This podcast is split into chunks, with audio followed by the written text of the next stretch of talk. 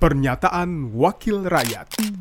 Pernyataan Kurniasih Mufidayati, anggota Komisi 9 DPR RI, fraksi PKS, daerah pemilihan DKI Jakarta 2, saat rapat kerja Komisi 9 DPR RI dengan Menteri Ketenagakerjaan mengenai pastian pelindungan dan kesejahteraan sosial bagi pekerja sebagaimana diatur dalam Perpres nomor 36 tahun 2023 tentang peta jalan jaminan sosial tahun 2023-2024, Rabu 27 September 2023 yang ini keluhan dari teman-teman di uh, berbagai negara.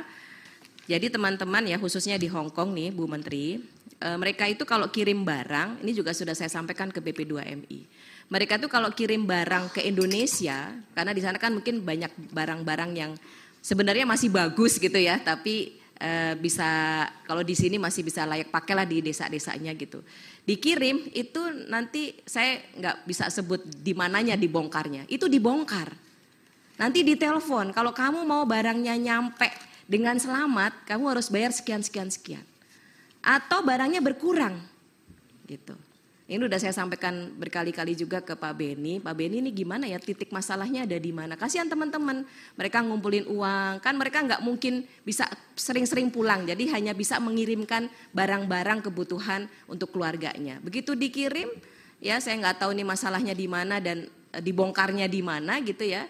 E, tetapi selalu sudah terbongkar, ya. Dan tidak jarang barang-barangnya hilang, gitu. Nah ini kan satu persoalan. Dan saya tahu ini juga tidak mungkin diselesaikan oleh Kementerian Tenaga Kerja sendirian karena banyak stakeholder. Jadi memang bicara penyelesaian persoalan pekerja migran Indonesia dan implementasi undang-undang uh, P2MI atau uh, pelindungan pekerja migran Indonesia memang stakeholdernya cukup banyak.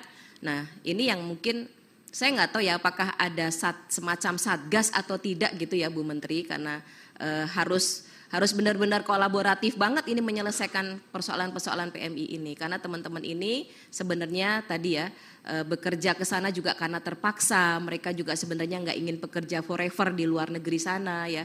E, bahkan apalagi yang menjadi asisten rumah tangga itu mereka juga sangat berat. Pernyataan Kurniasih Mufidayati, anggota Komisi 9 DPR RI, fraksi PKS, daerah pemilihan DKI Jakarta 2, produksi TV dan radio Parlemen, Biro Pemberitaan Parlemen, Sekjen DPR RI, Pernyataan Wakil Rakyat